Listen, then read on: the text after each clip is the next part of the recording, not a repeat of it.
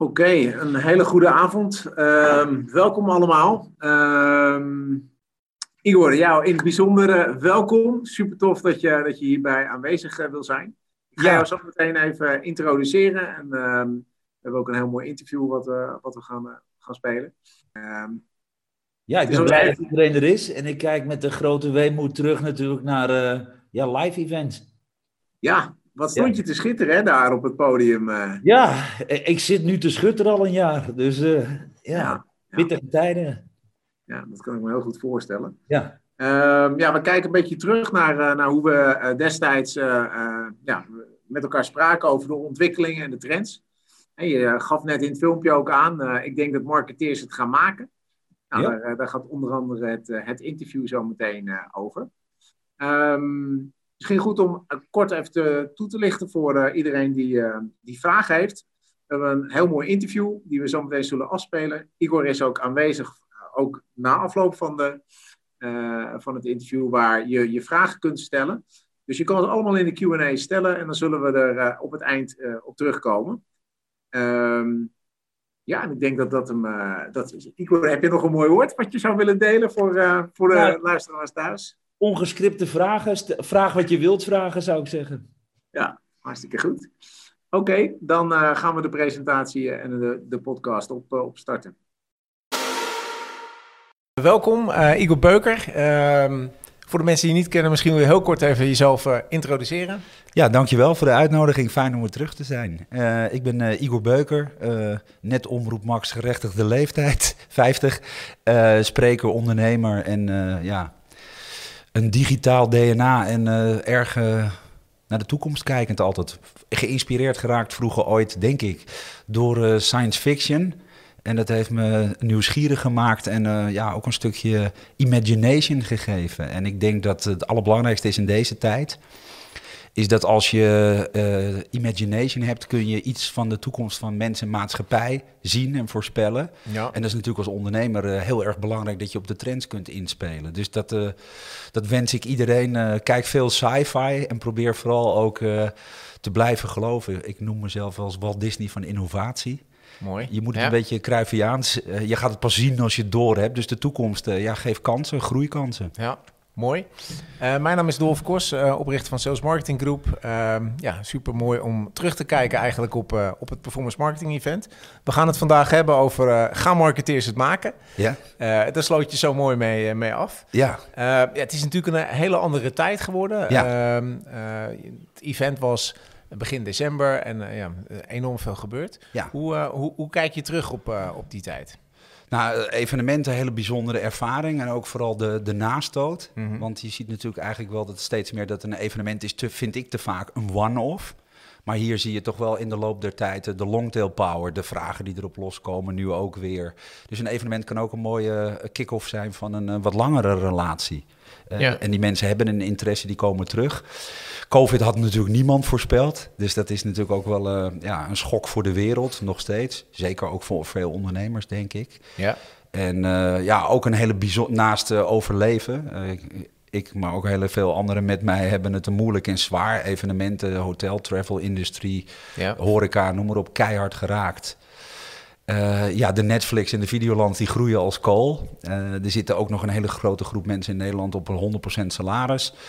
En er zijn mensen die, die hebben niet te eten. En eh, ja, de DJ's en de artiesten. Ik denk dat het voor ons gaat duren. Daar houden wij met ons team rekening mee. 1 maart 2020 tot september 2021. Ja, Dus dan heb je wat het eigenlijk over eh, twin- ja. 20 maanden amper, tot, eh, amper inkomen of geen evenementen. Of, Ja. dus dat is niet alleen financieel, maar ook eh, mentaal, sociaal heel zwaar. Want het is een lifestyle. Ja, ja ineens eh, totaal anders. ja. Als we even terugpakken naar Performance Marketing Event, wat, wat heb je er nog scherp van? Hoe, eh, hoe staat hij op je netvlies? Eh, er waren 300, eh, 350 eh, marketeers toen, eh, toen in de zaal. Ja, Eh, jij was keynote. Kun je ons nog even terugnemen naar dat moment? Ja, ik vond het een bijzondere setup. De locatie is altijd geweldig. Eh, de insteek was mooi. Eh, je krijgt zendtijd of spreektijd, dat je lekker een keer kunt uitpakken. Ja. En ook met marketeers is natuurlijk het meest leerzame. Kijk, het mooie is van spreken. Mensen zien dat je ergens komt om je visie te delen. En je ervaringen, je kennis en je fouten te delen. Maar je leert natuurlijk vooral het meeste. eh, ik spreek 100, 150 keer per jaar. Ja. En dan spreek ik altijd 10 tot 20 mensen die altijd andere ideeën hebben of andere problemen. Het is het meest leerzame vak op aarde natuurlijk. Dus ja, Ja. dat vind ik het leukste. Ik vond de sfeer ontzettend leuk. En eh, eh, je merkt ook dat heel veel mensen de vragen die er leven in marketing. Ik moet er ook wel eens een beetje om grinniken. Want eh, ik heb natuurlijk een beetje door de vragen mogen spieken vandaag ook. Er zitten hele goede vragen tussen. En het komt eigenlijk in de basis heel vaak neer op waar ik er altijd over spreek. Eh, de, de veranderingsgezindheid, eh, Ja. het zien, de visie of het gebrek aan visie, het gebrek aan lef of ondernemerschap in vooral grote bedrijven. Eh, en dat blijft een rode draad. Dus ik denk wel eens dat ik tot mijn dood zal spreken over hetzelfde onderwerp. En helaas is dat soms nodig. En denk je wel eens bij jezelf, poeh, kunnen we niet een keer doorzeppen naar wat anders? Maar Ja. je loopt heel vaak aan tegen innovatie, verandering, inspelen op veranderend gedrag. We vinden het moeilijk, we vinden het eng, we weten het niet. En, eh, En ja. toch wordt het vaak gezegd hè, dat eh, iedereen wil, wil, wil veranderen. Ja. Eh, ja, het, of eigenlijk wil iedereen innoveren, maar dat veranderen dat is dan heel erg lastig. Ja, zodra Ja. het dichtbij Ja. komt, wordt het heel Ja. lastig. Want dan heeft Ja. het ook impact. En, en wat je ook merkt, onzeker. Ja. De business cases maken voor innovatie. eh, en, en ook de grote merken. En dat zie je natuurlijk steeds. En dat is natuurlijk waar ik veel in praat. Ook over voorspellingen. Mhm. ik, ik hou van feiten, cijfers, business. testen. Ik heb natuurlijk al tien jaar voorspeld. En dan word ik keihard gelachen. Ik, ik voorspelde 10, 15 jaar geleden al dat de auto-industrie de, de meest grote veranderingen door gaat maken. Ja. Daarna kom je met eh, tien jaar geleden, of met het begin, de voorbeelden van een Tesla en een Uber, dat die op steroïden een markten gaan overnemen. We hebben dat bij Facebook, Google gezien. En om je wat voorbeelden te geven, en dat valt me nog steeds op, en dat zal ook altijd zo blijven. We zijn mensen. Ja.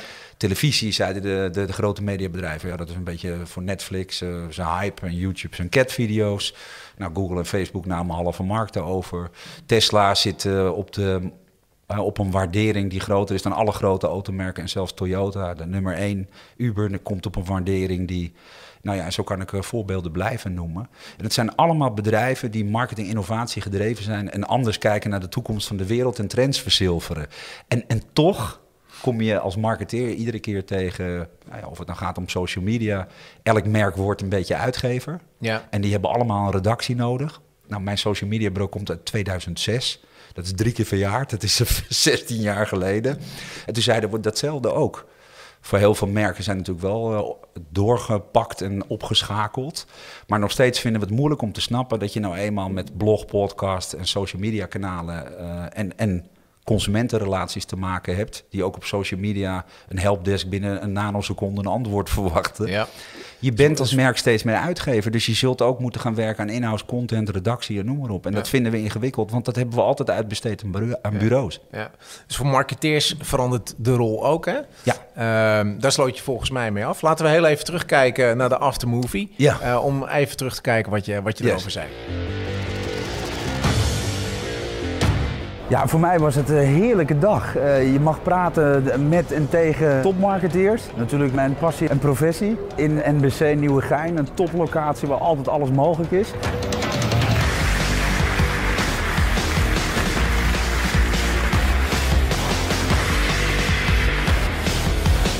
Dus ja, dan eh, ga ik hier stuiterend naartoe en, en ook weer stuiterend weg. Ik ben een heel happy mens.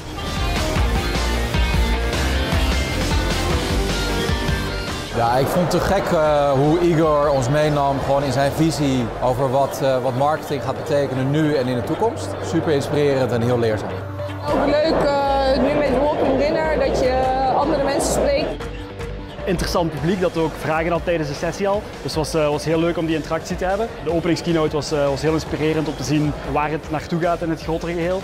Eh, maar ook als spreker zijnde was het heel waardevol om de feedback te horen naar de verschillende oplossingen die er zijn. Dus het was vanuit alle opzichten best wel een geslaagd event. Ik zou volgend jaar weer naar het performance marketing evenement gaan. Omdat ik denk dat je er interessante kennis gericht op de toekomst opdoet. En daarnaast ja, veel mensen uit het vakgebied spreekt en hoort.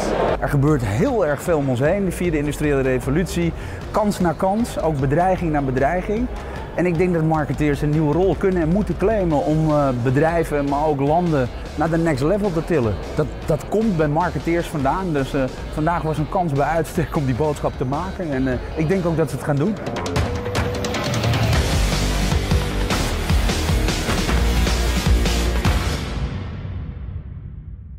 Ja, en je sloot af met, eh, ik denk dat marketeers het gaan maken. Ja. Eh, dat was nog voor corona. Hoe, Ja. wat, wat, wat zie je daar nu van? Kun je daar iets, Ja, iets, tuurlijk. iets over delen? Nou ja, ik denk dat, maar goed, ik ben een beetje aanhanger van het Pieter Drucker eh, gedachtegoed over strategie. belangrijk. Culture eats strategy for breakfast. Eh, marketing innovatie is, is altijd heel belangrijk voor groeiende organisaties. Ik denk juist in COVID nog meer.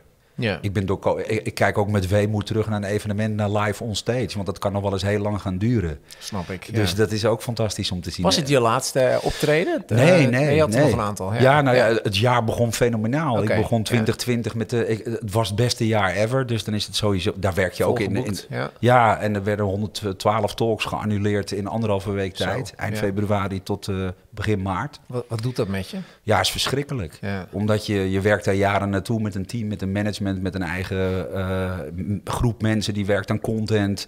Wij doen natuurlijk internationaal veel. We maken hoge marketingkosten, want eh, ja, in, in 100 markten kennen ze Igor Beuker niet. Ja. Eh, de- dus daar moet je ook je best voor doen. En dat is hard werken met een team, net als de DJ's. Je programmeert in goede line-ups tussen goede namen. Maar als dat allemaal in elkaar stort, ja, het gaat niet zozeer om het geld. Ik spreek niet voor het geld, maar vanuit een, een passie en een purpose. Ja. En dat we ook de hè, sociale innovatie is voor mij een heel belangrijk iets. Dat we met eh, exponentiële technologie de wereld in noodtempo eigenlijk, veel sneller dan we allemaal denken, kunnen we de wereld slimmer, beter, schoner en, en eerlijker en opgeleider maken. Ja. Dus die boodschap wil je verkondigen. Dus dat je, je leven stort ook een beetje in als er in, eh, in een week tijd eh, je hele jaren naar de knoppen gaat. S- Snap ik volledig. En, ja. en het was ook helemaal niet, niemand Nee. verwacht dit natuurlijk. Maar ik stond eh, in januari nog in Seoul op het podium, toen naar Miami, toen naar Puerto Rico. De knallen van het jaar was de Ultramarine Ocean Action Summit met Ja. eh, Richard Branson, eh, de Cousteaus. Daar zagen we ook wat van Sylvia Earle. voorbij komen. Ja, Ja, en ja. dan spreek je nog op de Dominicaanse Republiek, weer Miami en toen nog een keer naar Azië. En plotseling zit je twintig maanden thuis misschien wel. Ja, dat, Ja. ik kan je niet uitleggen wat het met een mens doet. Nee, dat geloof ik. En ja. ook dat heel veel, ik zei ook tegen heel veel vrienden dat jullie dat niet begrijpen. Ja, maar je hebt toch een following, je kan toch online alles doen. Ik Ja, zeg, je, je moet je businessmodel dan aanpassen, denk ja, ik. je moet Ja, pivoten. ja, maar ja, dat- ja. dat- nou komt het Ja, mooie. ja. Ik ben marketeer, ik lul erover. Nou, Nou nou, moet gaan doen. nou is walk the talk, vriend. Dus ik, ik doe... We, maar even terug, en dat is moeilijk, want dat is denk ik... Veel mensen praten over business en geld. Maar daar gaat het natuurlijk niet altijd om. Ik vind het heel belangrijk om, eh, om, om te kunnen helpen en bij te dragen. Eh, dus die visie moet je delen. Gelukkig Ja. heb je nu media, interviews, podcast. eh, eh, ik heb zelfs een grotere schaal en volume met een digitaal bereik. Omdat je, ja, je kan de wereld bereiken met een talk. Ja. En iedereen, als het in het Engels is, kan, kan inprikken. Dus Ja. het schaalt je bereik wel. Maar ik zei tegen vrienden, snap je ook dat het een lifestyle is? Vijf dagen Necker Island met Richard Branson aan tafel. met mensen die je anders nooit voor je leven zult ontmoeten. Nee. Is wat anders dan achter een Zoom-scherm hangen in je pyjama. Dus de, en dat geldt voor de DJ's natuurlijk ook. Hè? Je, het gaat natuurlijk ook om een stuk passie. En ik doe weer veel consultancy. eh, ik, ik, ik kom natuurlijk uit digitaal. 97 ooit met een aantal mensen het IEB opgericht. Dus mijn, ik weet niet anders dan digitaal. Ja. Dus ik ben al 25 jaar plus bezig met digitale transformatie. Het komt nu eigenlijk heel mooi naar je toe. Ja. Want COVID heeft natuurlijk een, naast ja, de rampzalige gevolgen voor sociaal, mens, maatschappij, economie, de- het inkomen, het zorgstelsel, de pensioenen, de uitkeringen. Dat, dat heeft natuurlijk mega veel impact voor langere tijd. Ja. De rol van de media vond ik heel interessant, nog steeds. Hoe kan het dat, dat zoveel journalistiek zo gefaald heeft in een afge... Dit was de mooiste tijd voor journalistiek en media. Op, objectieve verslaggever. Ja, ja. En, en Ja. ik dacht wel eens bij wat ik heb gezien, eh, het biased media, eh, gebrek aan investigative journalism, vragen stellen. Ja. Eh, mensen die een andere kijk hadden, werden al meteen afgeschilderd als ja, wil, je, wil je oudjes dood hebben? Nee, helemaal niet. Maar we hebben inmiddels na zeven maanden nog geen exit-strategie als Nederland. En die willen we wel graag weten. Hoe gaan we, als dit nog langer duurt, naar toch een situatie waarin eh, we, we niet... En het gaat niet om de economie en geld. Dat is nou eenmaal... die faciliteert het hele sociale eh, en zorgstelsel. Dus als dat inklapt, hebben we een veel grotere ramp. Gaan we het zo meteen eh, nog zeker over, eh, over hebben. Nog even terug naar die vraag. Ehm, gaan marketeers het maken? Je gaf net zelf Ja, hoe, maar- hoe, jij nu meer dan nooit natuurlijk. Het- Zie je daar al voorbeelden van? Oh ja, natuurlijk. Kijk, eh, marketinginnovatie is natuurlijk belangrijk. Digitale transformatie is door COVID natuurlijk op steroïden gegaan. Hè, als je, we hebben nu allemaal door, ik zei eh, tijdens het evenement, e-commerce, go big, go niche or go home. Ja.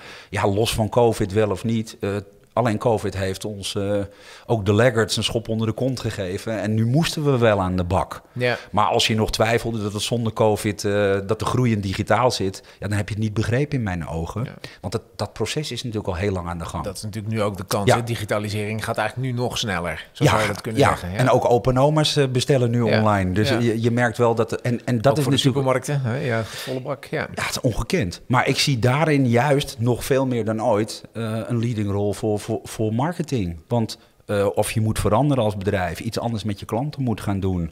Zult moeten gaan pivoten in je businessmodel. Ehm zult moeten gaan zorgen dat je, dat je eh, je omzet of je producten of je diensten gaat veranderen. Of je gaat schalen of dat je gaat terugschalen. En eh, allemaal marketing. ja. Dus dat is denk ik ook een hele mooie, lastige, uitdagende, maar wel de rol die marketing moet nemen. Marketing is voor mij altijd in de ogen geweest het inspelen op veranderende trends en consumententrends en, en daarop inspelen. Ja goed, nu is COVID een extreem veel voorbeeld, wa- wa- waarin dat natuurlijk op steroïden moet en we Ja. ons allemaal kapot geschrokken zijn. Maar zonder COVID had natuurlijk eh, eh, de trends waar ik over praat, vierde industriële revolutie, ja, die raast nog twintig jaar voort. ja, Dus we zijn er nog lang niet. dat gaat nog vaker gebeuren. En we zijn wakker, denk ik, door COVID. ja. Digitaal gezien hebben Ja. we nu eindelijk wel gezien. We speculeren over hybride modellen. Hoe, gaan we, hoe gaat de wereld er na COVID uitzien? Di- dus dat zijn allemaal marketingvraagstukken. Ja. Ja, is fenomenaal. Een mooie tijd voor marketeers. Want zou je dat ook freelancers eh, eh, adviseren? Dat je denkt van, hey, eh, ja, ga je juist meer verdiepen in, in, in kennis of in, in, in ontwikkeling of in trends? Wat, eh, Ja, nou, kijk, wat mij wel eens opvalt, maar daar moet ik een beetje uitkijken. Want het- ik, ik praat er natuurlijk veel over, ook met eh, freelancers, MKB, maar ook met eh, grote bedrijven. Anders wordt het te veel wij van WC eend. Maar ik heb me wel eens verbaasd over dat, dat trendwatchers of futuristen, of wat ik doe, kijken naar de toekomst, power consultancy, hoe je het ook noemen wilt. Het is heel apart dat we dat één keer per jaar doen op een evenement. Ja, Ik zou, eh, wij werkten vroeger met een bedrijf al met eh, trendwatching.com en met, met vaste trendwatchers. Want van buiten naar binnen kijken is een organisatie heel vaak te druk voor. ja. En, en daar gaat het uiteindelijk om. Dus eh, ik denk ook dat freelancers heel veel voordeel kunnen doen met nou ja, goed kijken naar de toekomst. Goed weten wat je voorstelt, daarop inspelen. En dat gaat natuurlijk steeds meer om eh, veranderende eh, gedrag van mensen. Technologie die sociologie beïnvloedt, social media, eh, ander, ander gedrag, andere kansen. Neem retail. ja. Alles, de supply chain staat natuurlijk op zijn kop. Alles moet veranderd worden. Het is, het is niet meer een website bouwen en een mobiel eh, paginaatje. Maar, maar het hele bedrijf, digitale transformatie, zet natuurlijk heel veel op zijn kop. Eigenlijk alle processen. En ik denk dat freelancers en ondernemers daar, als ze adviseur zijn of op in kunnen spelen, eh, heel erg kunnen helpen. Helder. Eh, je vertelde er net al wat over. Je komt op eh, unieke plekken eh, Ja. met Richard Branson. Save the Ocean, vertelde je. Kun je daar iets, ons iets over meenemen? Ja. Zie je daar ook corona misschien juist wel een... Ja, is dat een soort reset van de natuur? Zou Ik, hoop, ik hoop het. Maar ik, om, om te beginnen bij wat het bijzondere is, en dat is moeilijk. Kijk, ik merk ook wel eens, we leven best in een opportune wereld. waarin plotseling likes en influencers op een gegeven moment ook door marketeers. Eh, we lijken af en toe wel een beetje te vergeten dat, dat kwaliteit en, eh, en authenticiteit ook belangrijk is. Hè, we rollen soms een beetje heigend eh, achter de influencers aan. Ja. Ik heb op events ook wel eens gemerkt dat, dat ze meer keken naar iemand die amper spreek vaardigheden had of ervaring of vlieguren op de bühne. Maar wel likes had, die werd op een podium geflikkerd. Want als ze likes hebben, dan... eh, Dan, is is, een beetje- dan zal die wel goed zijn. nou ja, maar, maar ook dan hebben we eyeballs. Ja, Dat doet ja. televisie natuurlijk ook steeds meer. Want televisie is natuurlijk afstervend. We kijken alleen nog Netflix eigenlijk. En televisie gaat natuurlijk wel heel hard nu. En als je dan nog wat influencers voor de camera zet, dan hebben ze in ieder geval nog een following of kijkers. Maar dat wil niet altijd zeggen dat de kwaliteit er is. De- dus daar moeten we denk ik eh, wat, wat beter naar kijken.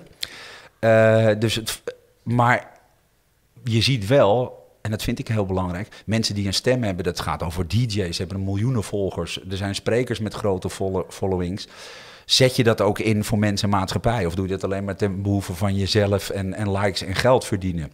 En ik vond het heel leuk dat ehm, op lange termijn, met wat minder likes, dat eh, Novak Djokovic of eh, Bill Gates of een Sir Richard Branson uiteindelijk vragen of je wil komen spreken over je visie op de toekomst, over sociale innovatie. Ja. Ik heb altijd gezegd, We kunnen met exponentiële technologie de oceaan snel schoonvegen. We kunnen climate change veranderen. Uh, we kunnen met educatie. Nou, er zijn zoveel dingen. De 17 doelen van de United Nations die ze gesteld hebben. Die kun je eigenlijk met de goede cultuur en mindset en technologie snel veranderen. En zo Richard Branson zit zelf in heel veel start-ups, eh, sociale start-ups, die niet, geen winst maken, maar vooral er zijn om de oceanen schoon te maken. Een beetje Bojan Slat-achtige mhm. oplossingen die de wereld een mooiere, betere plek maken. Ik zit zelf in 24 sociale start-ups. Daar investeer ik geld in maar dat is een andere ROI. Daar komt geen winst uit. Maar... En wij, ik heb met Branson een lang gesprek gehad. Ja. een hoger doel, teruggeven. En ik vind dat heel belangrijk. Want uh, sustainability, ik geloof in people, planet, profit. En ik vind ook dat heel veel bedrijven en marketeers zich veel meer bezig moeten gaan houden met de toekomst. En zo Richard Branson zegt dan ook, maar, hoe zie je dan de ROI? Ik zeg, nou ja, daar help ik dan mee. Voor de oceanen bijvoorbeeld, wat wij daar doen, Ultramarine Ocean Action, heeft uiteindelijk een hele harde doelstelling. Er zit een van de Virgin Unite startups in, er zitten een aantal uh, fanatiekelingen in. Dat zijn sociale ondernemers, social entrepreneurs, artiesten, ehm, maar ook ondernemers, politici, die komen samen om. En wij hebben als doel gesteld, gewoon keiharde targets, net als een echte start-up. Ja. Wij willen, uh, de ROI moet zijn, 30% van de oceanen moet voor 2030 gepreserveerd zijn. Zoals je een reservaat op land krijgt, kun je ook oceanen preserveren. en, en dat is een hele harde doelstelling. En dan kun je ook tegen ondernemers zeggen... En Brandon zegt, ja, maar hoe krijg je dat dan verkocht aan ondernemers? Want er zit geen ROI op. Zo, nou, uh, jouw kinderen kunnen straks 4,5 miljard erven. Maar als de planeet kapot is, hebben ze er niet zoveel aan. En dat is een hele mooie ROI voor mensen. balans tussen mens en, en natuur, ja. Ja, en om je antwoord te geven op je vraag. Ik hoop, ik denk, uh, dat zal ook tijd worden, dat COVID een great reset is. Misschien wel de great acceleration, een paar stappen terug. En dat we nu eens gaan kijken naar de toekomst. Uh, hoe gaan we om met klimaat, met oceanen? Uh, ik heb wel eens gezegd, werd me niet in dank afgenomen, maar goed, dat moet dan maar. Uh, dat moeder aarde ons 90 dagen naar ons kamer had gestuurd in de lockdown. Om eens na te denken over wat wij met de mensenmaatschappij en, en de natuur doen. doen zijn, ja. En ik denk ook dat we moeten begrijpen, dat, het, dat willen we vaak niet zien, maar... Ik bedoel, als, als climate change zich straks echt doorzet, of de oceanen echt zo vervuild zijn dat, dat we er echt uh, dramatische gevolgen van gaan zien. Jongens, dat lossen we echt niet op met een lockdown. Hè? Dus we, we moeten nu ook aan de bak. En uh, ik denk ook dat we, ik kijk met World Economic Forum naar een nieuwe vorm van kapitalisme.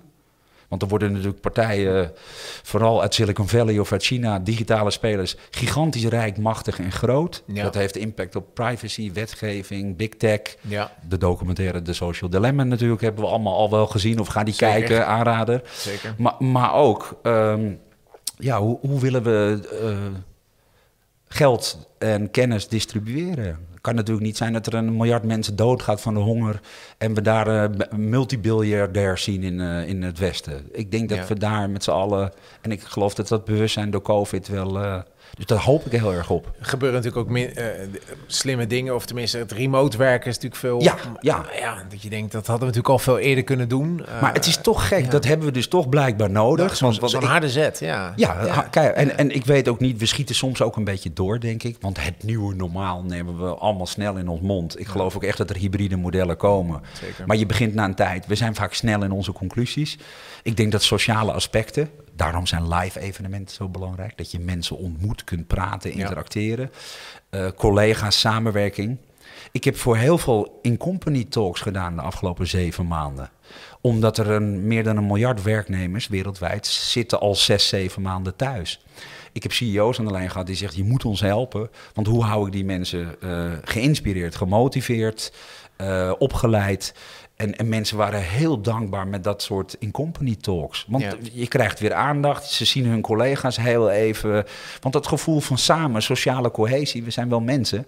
Als je een half jaar of een jaar nooit meer op je kantoor komt. Alleen naar Zoom zitten kijken. Ja, ja een beetje te hangen. En, en ik denk ook dat dat voor heel veel mensen is een hele belangrijke voorwaarde. Leuke collega's, een goede werksfeer. Dus we moeten denk ik ook niet overdrijven dat alle kantoren dicht gaan, we nooit meer samenkomen. Want dat is voor heel veel mensen de reden om, om in een bedrijf te gaan werken ja, sommige bedrijven doen nog één dag op kantoor en dat, dat wisselt natuurlijk ook.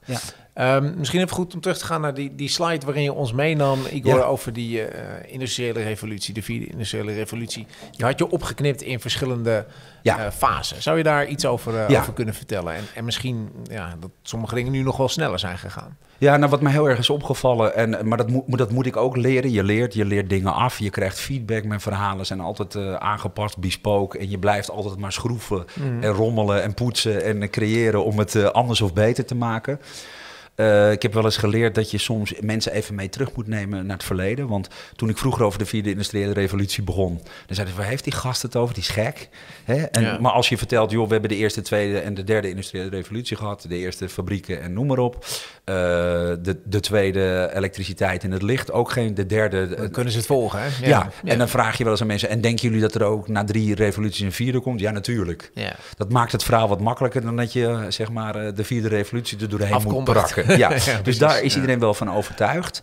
Ik heb altijd gezegd dat dat een, eh, de komende 20, 30 jaar de maatschappij eh, meer gaat veranderen dan alles Ooit wat er in de afgelopen 300 jaar is gebeurd. Dus ik zie COVID daarin natuurlijk, ja, is een explosie en iets wat niemand had verwacht. Maar even los van COVID of ook na COVID. eh, exponentiële technologie betekent nu dat er zoveel dingen op zo'n hoog tempo gaan veranderen. Dat je nu al ziet dat onze lineaire minds, we kunnen dat al heel lang niet meer bijhouden. Ja. En eh, ja, de voorspellingen die ik daarop doe, en dan zeggen mensen ook wel eens, ja, maar dit of dat. Eh, hoe weet je dat nou? Nee, het gaat niet om of je het weet, het gaat of je iets kunt inleven. Misschien eh, vliegen we over twintig jaar wel met eh, elektrische drones over eh, naar ons werk automatisch. En gaat dat schoon en makkelijk. En kijk jij en leg jij of ik aan mijn kinderen uit. En zeggen ze, wat zijn al die grijze strookjes daar beneden? Ja, dat zijn wegen. Hoezo? Ja, vroeger gingen we allemaal naar kantoren, naar Ja. ons werk. Dat was Ja. voor COVID. En toen reden we allemaal nog in auto's. Stonden we acht uur per dag of acht uur per week in de file met z'n allen. En dat is natuurlijk, als je erop terugkijkt, ja. Eh, en dat gaat heel snel. De En- kinderen attenderen je er soms ook op, hè? Dus, eh, tuurlijk. Met, Ja. met, met een auto met fossiele brandstof. Ja, Ja, je noemde dat al in, je presentatie, dat op een gegeven moment iemand zegt van ja, eh, dat, dat kan niet meer. eh, hoezo rij je nog zo'n stinkbak? eh? ja je kinderen gaan eh, gewoon niet meer mee. Terecht ook. Ja. Ik, keek dat een aantal jaar geleden. Ja, ja. En het gebeurde ook eh, bij mijn Ja. zoon, dus eh, die zei het letterlijk. Ja. Maar het is ook wel leuk dat wij wel eens, eh, we janken wel eens over millennials. Maar het is wel een generatie die veel bewuster bezig is. Ik bedoel, Uitgesproken. ja. en dat vind ik ook mijn verantwoordelijkheid. Ik bedoel, ik ben ouder, ik heb een zoon. En ik vind ook dat wij, hoe wij de wereld zouden doorgeven, ik schaam me kapot. Dus we moeten met eh, sociale innovatie en technologie ook eh, veel meer gaan doen om, om de, mensen de wereld beter door te geven. We moeten ons toch schamen. En we hebben nu alle technologie. Dus wat houdt ons tegen om eh, onze verantwoordelijkheid... Laten we de troep eens opruimen die we gemaakt hebben. En denk je dat cor- corona het nog versnelt, de, die vierde industriële revolutie, dat die Nee, einddatum niet nee. 2050, Nou, nou, 2050, maar misschien nog iets eerder is? Nee, want, want, want dit is natuurlijk tijdelijk. Digitale transformatie natuurlijk weer wel. Maar je merkt ook dat dingen hebben een bepaalde curve nodig. Adaptie, eh, technologie. Eh, we, gaan natuurlijk straks naar slimme huizen, eh, slimme groene steden. Maar dat bouwen we, bouwen we niet even morgen om. Dus dat zijn trajecten die duren wel 10, 20 jaar. Eh, je zult zien dat de impact van 3D-printing gaat nog veel grotere impact geven dan we allemaal denken. Nu gaan we allemaal nog, dat, dat gaat misschien logistiek en manufacturing wel halveren naar 2040 toe. Maar we hebben nog niet allemaal een 3D-printertje thuis. Hè. Dus dat, Nee. dat, dat gaat in curves. En je ziet dezelfde curve weer. De hardware is nog te duur. Dus we gaan nu nog naar een lokale koffieshop. Ga ik straks mijn Amazon uitgeprinte jasje ophalen. Maar over 10, 15 jaar, als die thuismarkt 3D-printers geeft. Dus je kunt dat wel goed plotten. Mooi, dus, ja. ja. En zo zijn er heel veel trends die iedere industrie eh, op zijn kop gaan zetten. En, en welke zou je nou zeggen dat, dat binnen nu en, en, en 15 jaar is, is echt, daar gaat het echt gebeuren in die sector? In, in, Nou, ik heb in mijn voorspellingen, probe- ik probeer het natuurlijk heel tastbaar te maken. Eh, dat hangt een beetje af van wetgeving. Hè? Want als wetgeving zou zeggen, dat is natuurlijk het mooie van voorspellingen.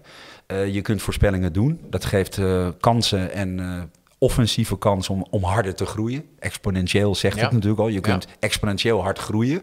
Je kunt ook exponentieel hard op je bek gaan en kapot gaan. Dat is voor de naysayers en de mensen die, die niet naar trends kijken. Afgelopen tien jaar natuurlijk. En dat vergeten mensen wel eens. Wat we de afgelopen tien jaar hebben zien gebeuren. De platformspelers die binnen tien jaar tijd marktleider worden bij market cap. Marktleider worden door geld. Google, Facebook. Dat is in de historie van onze wereld nog nooit gebeurd. Dat kan ook niet in marketing. Hè? Dat je binnen tien jaar tijd eh, de hele, een hele industrie op zijn kop zet. En dat de outsiders de gevestigde orde een schop opzij geven. Dus we zullen ook steeds weer moeten kijken naar marketing blijft zich ontwikkelen. En dit is een tijd waarin eh, nou ja, zowel offensief als defensief heel veel kansen komen. Ja. En, en marketing zal dat wel moeten leiden, want wie gaat anders doen? Ja. En zo'n Amazon, wat nu, hè, dat, dat was Ja. nog niet gelanceerd eh, tijdens PME. Dat, dat eh, is in februari in Nederland eh, gekomen. Ehm, zie je dat ook weer zo'n zo'n grote speler worden? Nou ja, kijk, wa- wat ik veel belangrijker vind is... Dat, dat- en anders wordt het een andere speler in de lokale markt. Maar ik weet niet of de, deze markt interessant genoeg is voor Amazon. Ja, dat is het meer. Ja. Ja, maar, maar je merkt ook dat we... En dat hoeft natuurlijk... Kijk, ik heb in het verleden ook wel eens geroepen... Vergis je nou niet in de Nederlandse consument kruidvat en action. Er zijn een hoop mensen die bij AliExpress eh, s- slimme... En dan zei iemand, ja, maar je denkt toch niet dat een Chinees platform invloed gaat hebben op de Nederlandse consument? Eh, hallo, het is het internet, er staan geen hekken omheen. Nee. De consument bepaalt dat zelf wel. En het grote voordeel is wat Amazon natuurlijk heeft, heel knap... Ze kennen hun klanten beter dan dat de klanten zichzelf kennen. Ze zijn ja. en dat heb ik tegen retail vaak gezegd. Ik heb lang voor Amazon gewerkt toen ik nog eh, bij WPP in de groep zat, met bedrijven daar verkocht had. Kijk, wat Amazon heel knap doet, is dat ze schaken op zeven borden. En vergis je ook niet als het straks een concurrent wordt van Netflix en, eh, en de Videoland. En Amazon heeft al heel snel gezien dat het gaat om eh, customer centricity. En dat is mijn grote probleem met retail geweest, waar ik altijd tegen geageer- geageerd heb. Je kunt wel zeiken over het Amazon-effect. Maar het gaat eigenlijk om jullie gebrek aan customer centricity. De klant? Ja. Ja, maar ook voor, hoe, ja, en hoe snel kun je Ja. op ver- eh, veranderend gedrag inspelen. En als Amazon mij eh, meer kan verkopen en cross-sellen, upsellen, omdat ze mijn gedrag ook heel goed in kaart kunnen brengen. En op allerlei manieren het sneller, beter en gemakkelijk maken. Dat is marketing anno nu en naar de komende 20 jaar. Dus daar zou je ook kunnen zeggen, daar ligt een uitdaging voor de retailers om dat... Mega, maar voor, Mee- maar, maar ja, voor iedereen. ja. Want we, we zien onze achterstand niet. En ik kijk natuurlijk in veel keukens. En daar komt mijn sense of urgency ook vandaan. De infrastructuur die Amazon draait. eh, de supply chain die ze hebben. Ze, ze kopen voor 700 miljoen Kiva-robots. Ze, ze hebben flying warehouses. Ze hebben patenten, technologieën. Ja, als je retailer bent... En je moet daar nog een inhaalslag op maken. Zij gaan niet op je zitten wachten. En vergis je niet, hè. Wij hebben het nu allemaal nog over marketingcommunicatie op schermen. Dat gaat niet meer naar de consument, maar je, je market tegenwoordig meer tegen AI en een algoritme dan dat je met consumenten praat. Want dat is een soort digitale middelman geworden. Maar dat is allemaal nog maar screens. Over tien jaar lopen we door slimme circulaire steden waarin technologie om ons heen morft. Ja. En dan zul je je klant offline, omnichannel. Eh technologie is straks niet meer alleen maar een scherm natuurlijk. Dat is straks op, op ieder gewenst moment in de maatschappij morft dat om ons heen. Ja. En, en als je dat stukje schermen al gemist hebt, hoe ga je het dan in godsnaam de komende twintig jaar doen als we straks... eh, Heb je daar al, al internationale voorbeelden van? Dat je, dat je ergens dat in de praktijk al gezien hebt? Ja, denkt, dat veel. is, ja. Dat, ja, dat, dat is Ja. mijn vak natuurlijk. Want, want je, je, je, kijk, ik kan als consultant achter de schermen sta ik met mijn poot in de klei. Mhm. En ben je met veel merken bezig om dit soort transities te maken. En ik zie ja, ik heb het natuurlijk al honderdduizend keer over gesproken, maar, maar ik maak altijd het onderscheid, omdat het makkelijk praat. Je hebt een groep madmen, de oude traditionele merken die zeggen, nou, we, hebben een goede consultancy en we drijven op advertising en innovatie en trends en technologie. Nou, we moeten maar eens kijken.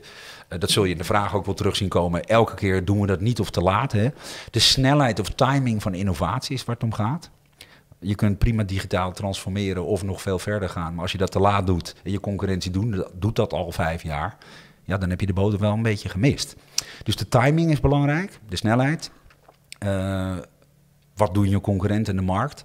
En ik denk dat we daar heel veel van kunnen leren en dat we dat heel erg onderschatten. En, en, en ook onderschatten wat het infrastructureel, supply chain, wat het allemaal van ons bedrijf vraagt. En dan heb ik het nu alleen nog maar even over, nou ja, generatie digitaal, e-commerce, subscription commerce, product as a service, steeds meer diensten op maat. Maar in de nieuwe wereld, ik, ja, ik bedoel, eh, neem voice tech. We, we zitten nu nog allemaal, zijn we van toetsenborden naar een homeknop en een schermpje gegaan. Maar ik, ik sta meer in mijn Amazon eh, Alexa te lullen dan dat ik nog eh, zit te tikken en allerlei ingewikkelde dingen doen. En dan roep ik, jongen, ik, ik zoek een vlieg eh, of een vlucht naar, naar dit of naar dat. En, en eh, een dame of een meneer of wie er ook achter die technologie zit, die roept het terug heel makkelijk of die stopt het even in mijn winkelmandje. Dus je kunt straks, en, en dat is nog maar het begin. Dus we gaan van schermen naar praatpalen. En Ja. we gaan straks naar onze mobiele telefoon maar wat inspreken. En we gaan straks naar een wereld waarin ik achter in mijn auto zit die al een parkeerplaats gereserveerd heeft, elektrische auto, misschien zelfrijdend. Ja, natuurlijk. Ja. Maar in de voorspellingen die ik maak, ik geef alleen maar voorspellingen. Wetgeving, als, kijk, als wetgevers zeggen zelfrijdende auto's gaan we nooit doen, ja, dan is het verboden, dan komen ze er niet. Nee. Dus dan houdt het daar dat stukje op. En Vliegen en auto's, dat kan allemaal al lang, hè? Ja, tuurlijk. Het is vaak wetgeving Die, die wel of niet bepaalt. De technologie kan alles, wetgeving kan... Ik denk ook wel eens, ik hoop ook maar dat wetgevers wat meer naar marketing gaan kijken en innovatie. Dan kunnen we eens gaan vooruitlopen. In plaats van dat we met eh, Zuckerberg en Facebook herings achteraf moeten proberen om eh, de schade te beperken. Daar, daar gaat de social dilemma natuurlijk ook erg op in. Maar als marketeer is het natuurlijk heel belangrijk om te weten, ook als organisatie. Kijk, wat denk je dat er gebeurt voor, eh, voor Uber, de logistiek en de transportindustrie als zelfrijdende auto's en trucks wel doorgaan? Van het 30% van de banen of dan gaat het eh, uit, uit logistiek. En wat gaan die mensen dan doen? Ja. Dat heeft impact. Eh, en het biedt ook heel veel mogelijkheden. De, de distributie van Amazon. Kijk, voor Amazon is het allemaal heel normaal. De, de, de klant bepaalt. En of jij nou eh, over drie dagen je pakket geleverd wil hebben, of de volgende dag, of dezelfde dag, of binnen twee uur, of binnen een uur.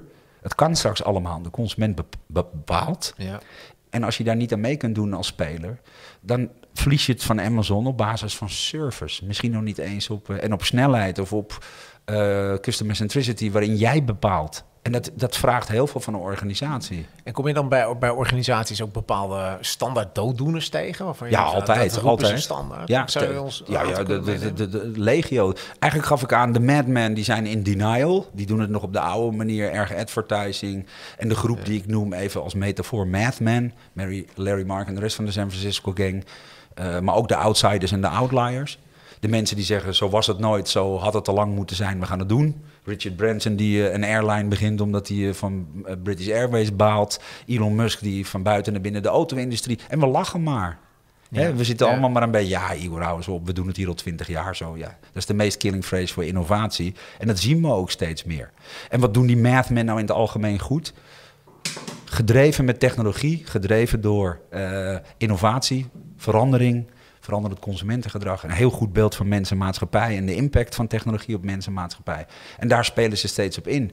Hoeven veel minder te adverteren, zijn niet zo afhankelijk van consultants, hebben zelf een heel goed beeld waar mens en maatschappij naartoe gaan. En verzilveren trend na trend en, en, en keepen ons gewoon binnen vijf tot zeven jaar van het bord af. En daar ligt misschien ook wel een kans voor, eh, voor freelance en interimmers die nieuw in een organisatie komen. Die, Juist. Die, ja, die organisatie eh, kunnen wakker schudden of ja, impact brengen met... eh, Ja. ja. Dit, dit is echt de tijd, en de, de- ik ben er ook dankbaar voor. De tijd voor de zieners, voor de mensen met een andere kijk, de mensen met een visie, de mensen met foresight, de mensen die zicht hebben op trends en ontwikkelingen. eh, die van buiten naar binnen kunnen kijken. Ja. En dat is denk ik de friskijkers, de mensen die anders zien, die zeggen: wacht eens even, we kunnen. Want, want waarom denk je dat sommige partijen zo exponentieel groeien en, en de oude macht eh, het amper kan bijhouden? Omdat ze kijken naar trendgedreven innovatie en verandering. En, en dat kan een freelancer. En, en ik denk ook dat dat binnen grote organisaties nodig is. Af en toe verfrissende blik. ja. Rebellen, mensen Ja. met een andere kijk. Mensen die, ik, ik, ik, ik doe veel voor eh, CEO's en C-level. En ik neem ze mee op een, eh, een apart verhaal. Maar op een aantal eh, heb ik geselecteerd. Een aantal stukjes uit sci-fi films. En die beginnen dan te lachen en te grinniken. En sommigen kennen ze. En de meesten kennen eigenlijk schrikbarend weinig. En het grappige is dat ik zit in veel denktanks. En van Hollywood tot eh, films waar een futurist in zit. En een scientist en een socioloog en een, eh, een econoom. Mensen die de toekomst kunnen voorspellen. Het gaat niet om of je het goed hebt of niet. Imagination is de start voor inspiratie, motivatie, actie. Als je het niet ziet, gaat er niks gebeuren, blijf je zitten. En deze mensen die, die met name die veranderingen kunnen zien, ja, die komen met nieuwe modellen en ideeën. En daar zit de groei.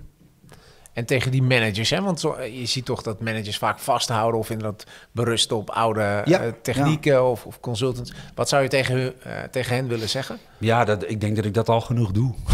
ik, la, ik laat ze vooral ook zien en niet een broodje aapverhaal. Science fiction is voor imagination. Als ik de CEO's sci-fi films laat zien, dan zeg ik: probeer nou, dus de, probeer nou eens te komen tot wat dit voor jouw bedrijf de komende vijf jaar gaat betekenen. Nou, dat, dat- wij hebben als volwassenen geen imagination meer. Ergens als kind hebben we dat. En dan kijken we Walt Disney en we geloven het nog. En naarmate we wat ouder worden, ik weet ook niet wanneer, 18, 25, mag je niet meer dromen, niet meer naar de toekomst kijken. Ze zeggen tegen mij, oh, ja, maar dan weet je toch helemaal niet of die voorspellingen uitkomen. Ik zeg, nou, ik heb wel een track record waarin mijn eh, prediction accuracy rate is 84% Eh, alleen ja, als wetgeving verandert, dan heb ik het mis. En dat kan gebeuren. Het gaat ook niet om of je gelijk hebt. Het gaat erom of je kunt zien wat er gebeurt. Ja. Zodat je erop in kunt spelen. En eh, als je dat niet kunt als bedrijf, exponentiële technologie gaan er steeds meer slachtoffers vallen. En steeds meer partijen die het wel zien. Ja, die gaan groeien. En, en ja, je kan alle argumenten noemen waarom niet. En het gevaar is. Ehm, wat ga je dan doen? Op het moment dat je het niet wil zien. Moeten we nog meer voorbeelden noemen? De Kodaks, de Nokia's, de, de, de Blockbusters, de Toys R Us'en, de grote sterke merken van weleer. Ja, die hebben moeite met opschakelen en de nieuwe wereld in. En, en waarom ook? Cultuur, mindset. We zijn groot, we zijn sterk, we zijn arrogant. Dus daar kan je niks aan veranderen. Want imagination hebben we vaak niet. We hebben angst en we zien het vaak niet. Dus dat is ook maar voor een kleine groep. En je begon ook met eh, outside your comfort zone is where the magic really happens. Ja. Ja, en in dit tijdperk moeten marketing en innovatie juist uit die comfortzone om te zorgen dat je specifiek. Ik zeg wel eens tegen merk: noem mij nou eens de 10 trends die de komende vijf jaar jouw bedrijf volledig gaan slopen. Of jouw bedrijf de kansen gaan geven om te accelereren keer, keer 10 of keer 100. En mensen zitten met knipperende ogen te kijken. Dus we zijn erg korte termijn advertising bezig. Maar, maar eh, innovatie en verandering, ja, die, die, die wint je decades. En een campagne kan je een paar kwartalen doen winnen. Nou, en al die mathmen, die nieuwe spelers, die zitten op trendgedreven innovatie. En daarom groeien ze zo hard. En, en ze hebben langer termijnvisie. Binnen, binnen Sales Marketing Group delen we heel veel aan kennis. Hè? Dus Ja. we doen heel veel events en zo Ja. was Performance Marketing Ja, ja. Event daar ook een van. Ehm, was jij in jouw bedrijven eh, vroeger ook iemand die, die dan juist eh, dat soort type personen aannam? Dat, je zocht van iemand die heel veel kennis met zich meebracht? Of moest iemand een bewezen tr- track record hebben? Hoe, hoe, hoe Nou, ver- er- ver- verschil. Kijk, ik, ik vergis je niet. Ik heb tot eh, 2002, en ik, dat vragen mensen ook wel eens. Ik coach veel, ik, doe, ik, ik mentor en sensei een aantal jonge marketeers, ondernemers, sprekers. Ja. Voor zelf ook vroeger gem- gementord, hè? ja, dat is Ja. het allerbelangrijkste, denk ik, wat is. Ik heb heel veel te danken aan eh, Sir Martin Sorrell en, en Richard Branson en dat soort mensen. Oude, wijze mannen en vrouwen die het al honderd keer gedaan hebben. En eh, die je ook heel veel leren en vooral ook veel afleren. Eh Sir Martin Sorrell zei wel eens tegen mij... ik geloof in jouw visie en daarvoor heb ik je bedrijf ook overgenomen... maar je moet wel één ding afleren. Ik denk, nou, ben benieuwd. Want wat zo, van zo iemand, er topondernemer, Ja, de precies. 31 jaar... het grootste netwerk ter wereld opgebouwd... Gaat op zijn 73 nog rustig door met S4 en begint weer opnieuw. Hè, dus eh, wat nou pensioen? Maar die zei, je moet van mij aannemen salami tactics. Jij komt uit Nederland. Eh, jij weet van een eh, verjaardag dat jullie blokjes kaas en plakjes worst serveren. Dus ik moest heel erg grinniken. Want deze man kent culturen uit honderd landen uit zijn hoofd. Ook prachtig. Maar Igor, je moet leren dat je niet een hele worst naar binnen kunt rammen. Dan stikken mensen, die spugen hem uit en die lopen weg. Je zult moeten leren als je het wat ophakt in plakjes en je serveert die salami op tafel, dan hebben ze voordat je het weet, hebben ze de halve worst, worst, naar eh, binnen, naar binnen, ja. maar in plakjes. En dat zijn hele belangrijke lessen als spreker, als ondernemer, als trendwatcher, futurist, eh, marketeer. Soms moet je leren dat je ook geduld moet hebben en wat voor jouw doelgroep belangrijke argumenten zijn. Ik heb wel eens tegen een CEO haakje zoeken. nou ja, maar Ik, ik, ik heb niet altijd evenveel geduld, omdat ik ook te veel gezien heb. Grote bedrijven die me om blijven donderen. Dat kost banen, dat is eh, belachelijk, dat hoeft niet. Het kan heel anders. Maar als ik wel eens met een CEO of de record praat, dan zeg ik, "Lu- luister eens. Ik, ik hoor een aantal dingen, dat- moeten jullie allemaal zelf weten. Maar jij doet de persconferentie, hè?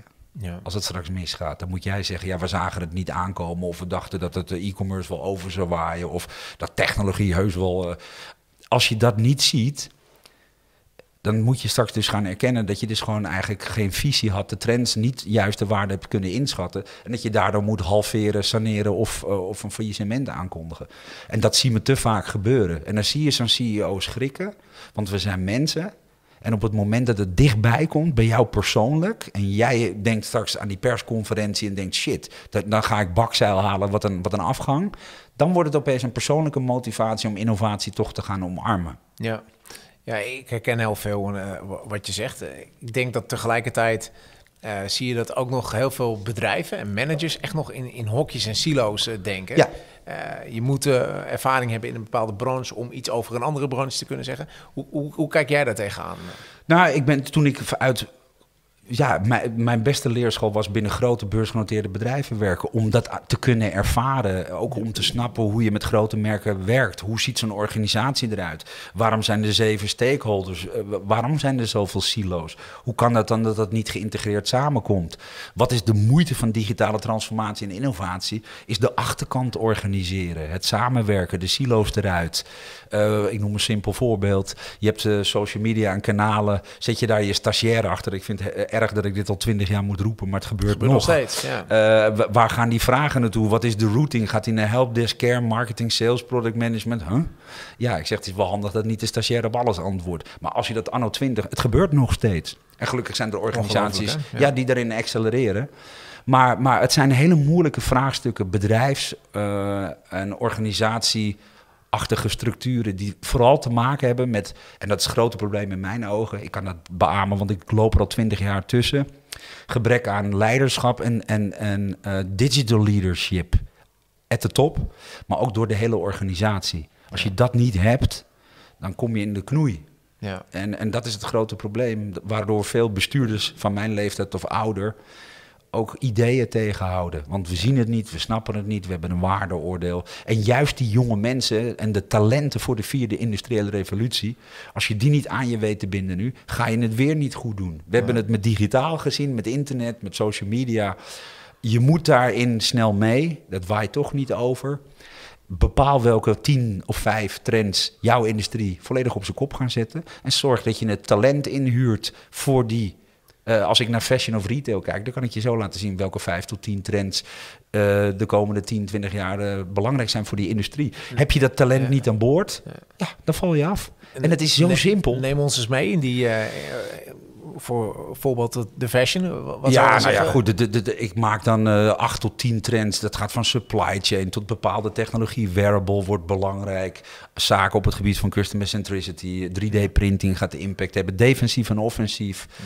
Nou ja, en, en dan zul je gaan zien, e-commerce, uh, revenue recognition. We kunnen heel vaak als grote bedrijven nou nog steeds niet zien wat nou e-commerce is en wat nou offline is. Ja. Gelukkig een aantal partijen wel. Software, CRM, cybersecurity moet goed zijn. Uh, uh, dus ja, het bedrijf verandert in alle facetten. Nou, als je niet digital leadership at de top hebt, ja. dan ben je over tien jaar, als je er nog bent, nog business cases aan het maken. Nou, dat, is, dat kan niet meer natuurlijk. Oeverloos PowerPoints maken. Dat, nee, dat, dat kennen we inderdaad allemaal. Ja. ja. Als je nu kijkt naar digitale transformatie, wat, uh, wat valt je dan op? Nou, een paar dingen. Is dat we wakker zijn door COVID. Uh, eh, omdat digitale transformatie voor ons gevoel nu op, uh, op steroïden gaat.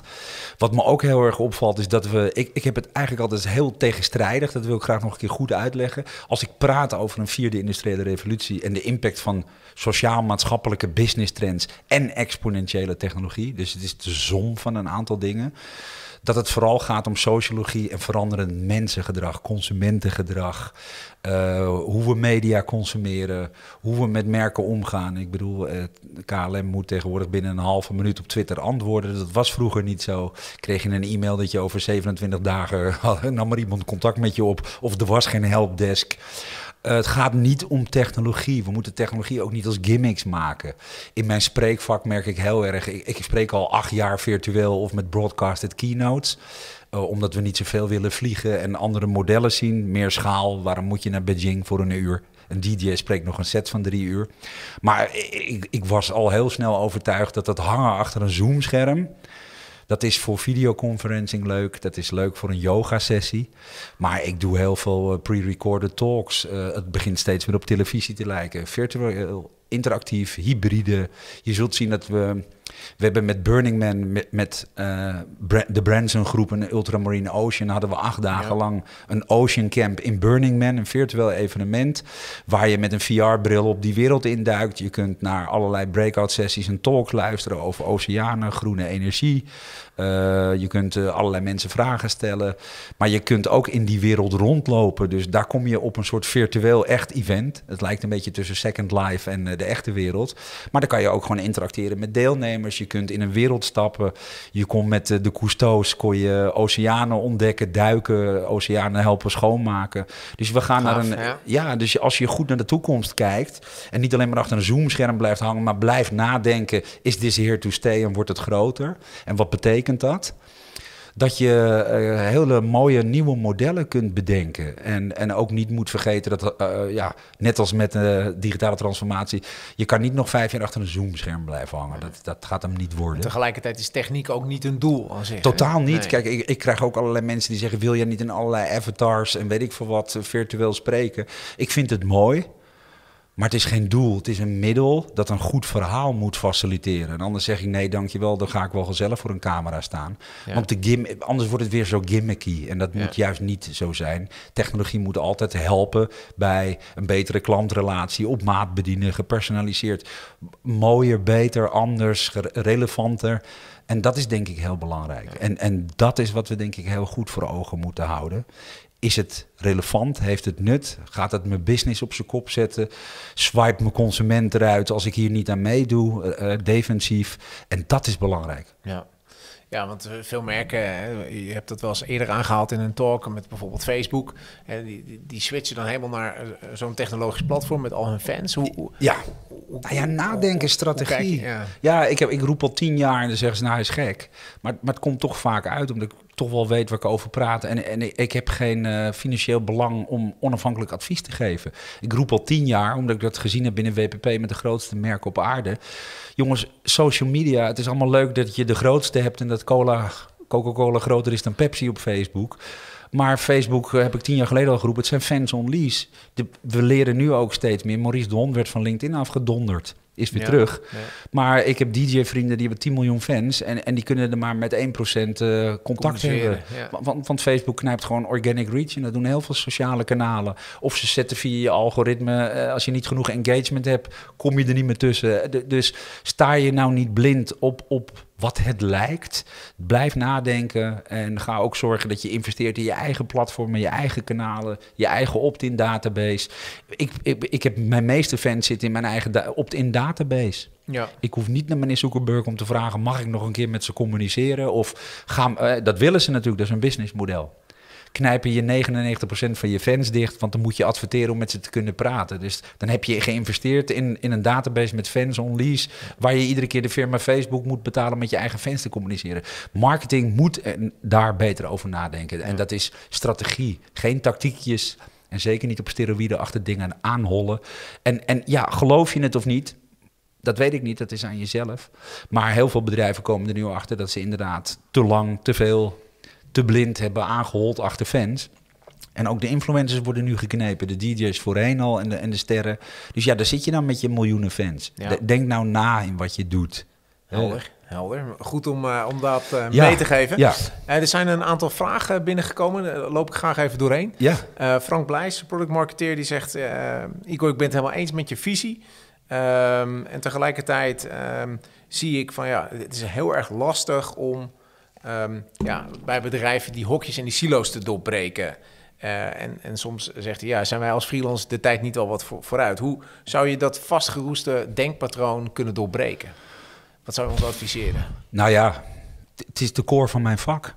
Maar het blijft ingewikkeld, want je hebt met mensen te maken. En mensen hebben weerstanden. En Misschien die salami-tactiek ook die, met die je net Ja, noemde. dat weet Ja. ik niet. Want, want- ja, dat helpt wel. Maar nog steeds, kijk, en dat is het moeilijke. In deze nieuwe wereld is het, het tempo wordt gedicteerd door de outsiders en de outliers. De, de Tesla's die de hele auto-industrie op zijn kop zetten. Google en Facebook die de halve media-industrie onderuit flikkeren. Ehm, ja, ik, ik, wat ik in mijn talks probeer te doen, en het gaat alleen maar om, het gaat niet om de trends, het gaat niet om technologie.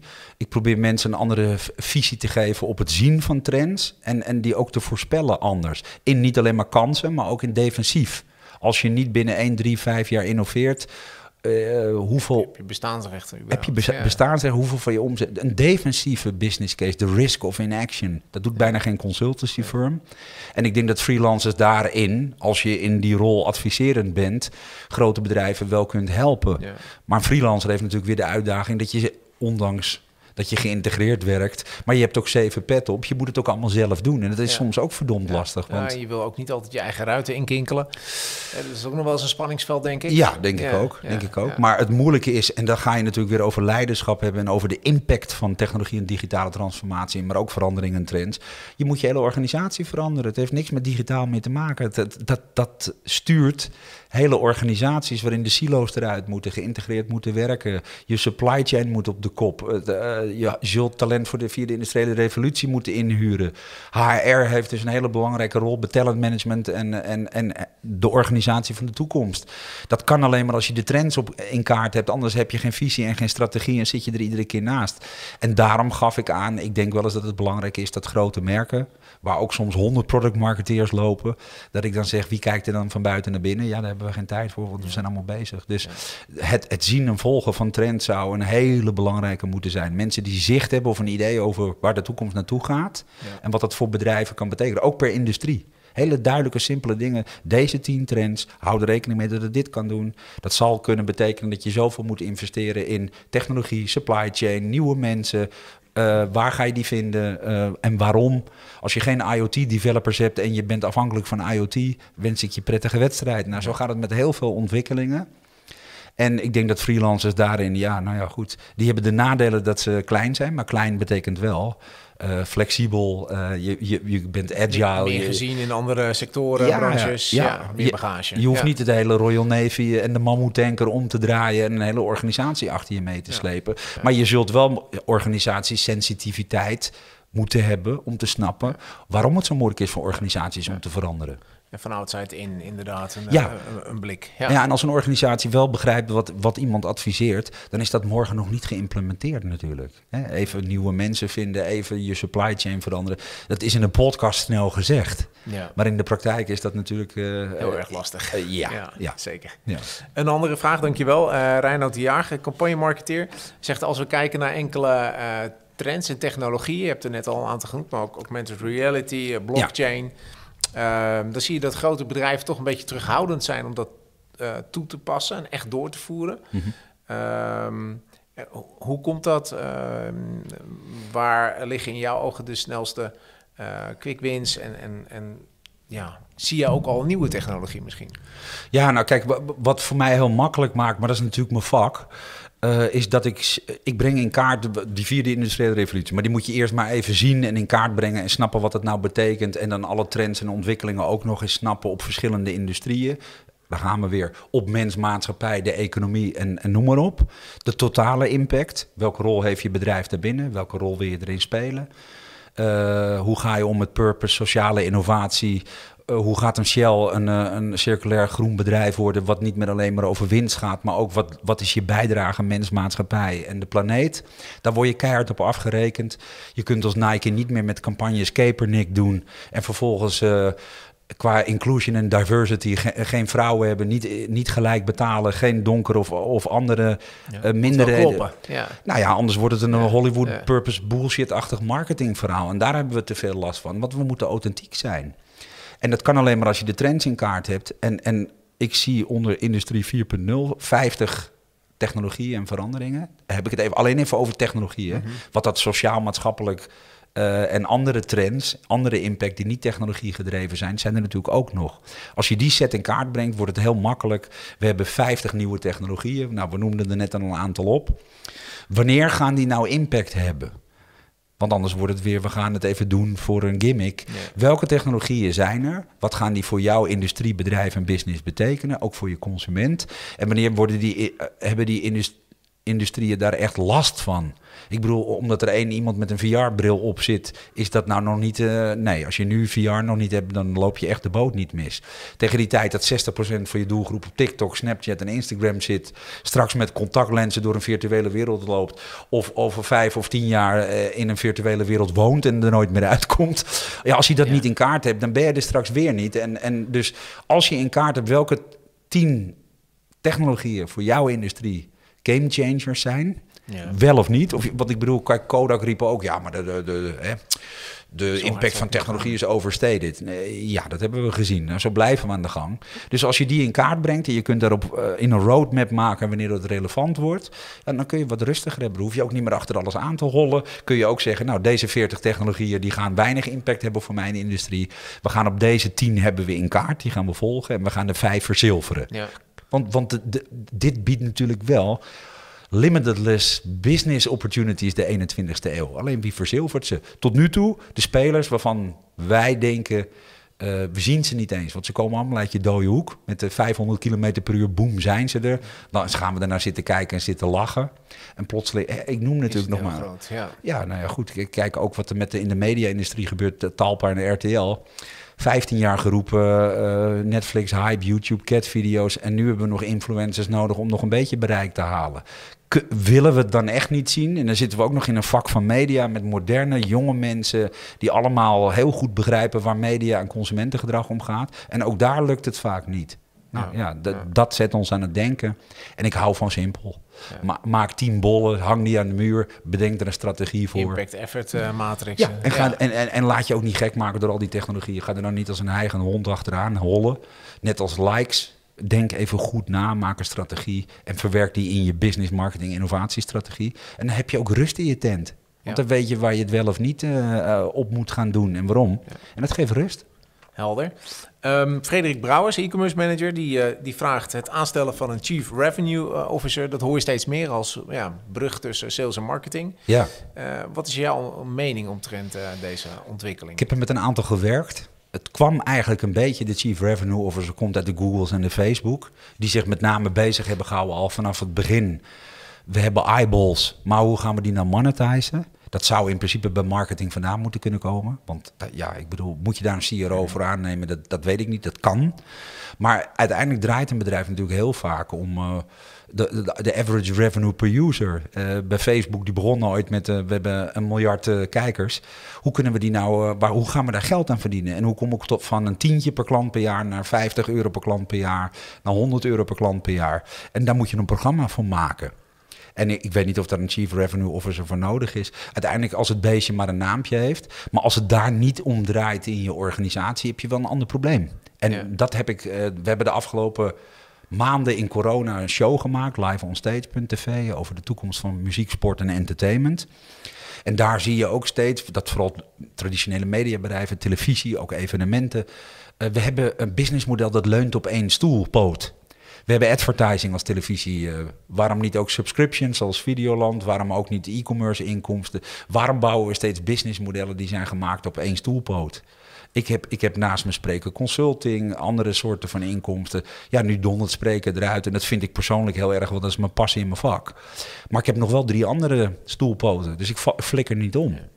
En, en ik denk dat we heel lang stilzitten en, en niet denken dat je, je moet gaan spreiden. En je moet ook kijken hoe kun je op andere modellen groeien, maar ook defensieve businessmodellen maken. Dat doe je natuurlijk ook een beetje als investeerder, hè, als angel, waar je ook al een beetje spreidt, maar die zitten meer vanuit sociaal. Hè? Ja, dat, dat, dat Ja. is met name, eh, en er heeft ook afgelopen tijd, heb ik daar veel geld in bij moeten keepen, Ja, om, om een om aantal start. eh, te Ja, want dat zijn ja. start-ups zonder winstbejag, Ja. die, die, die maken oceanen schoon, die zorgen voor opleiding, betere planeet. En, en die ROI is heel anders. Ja.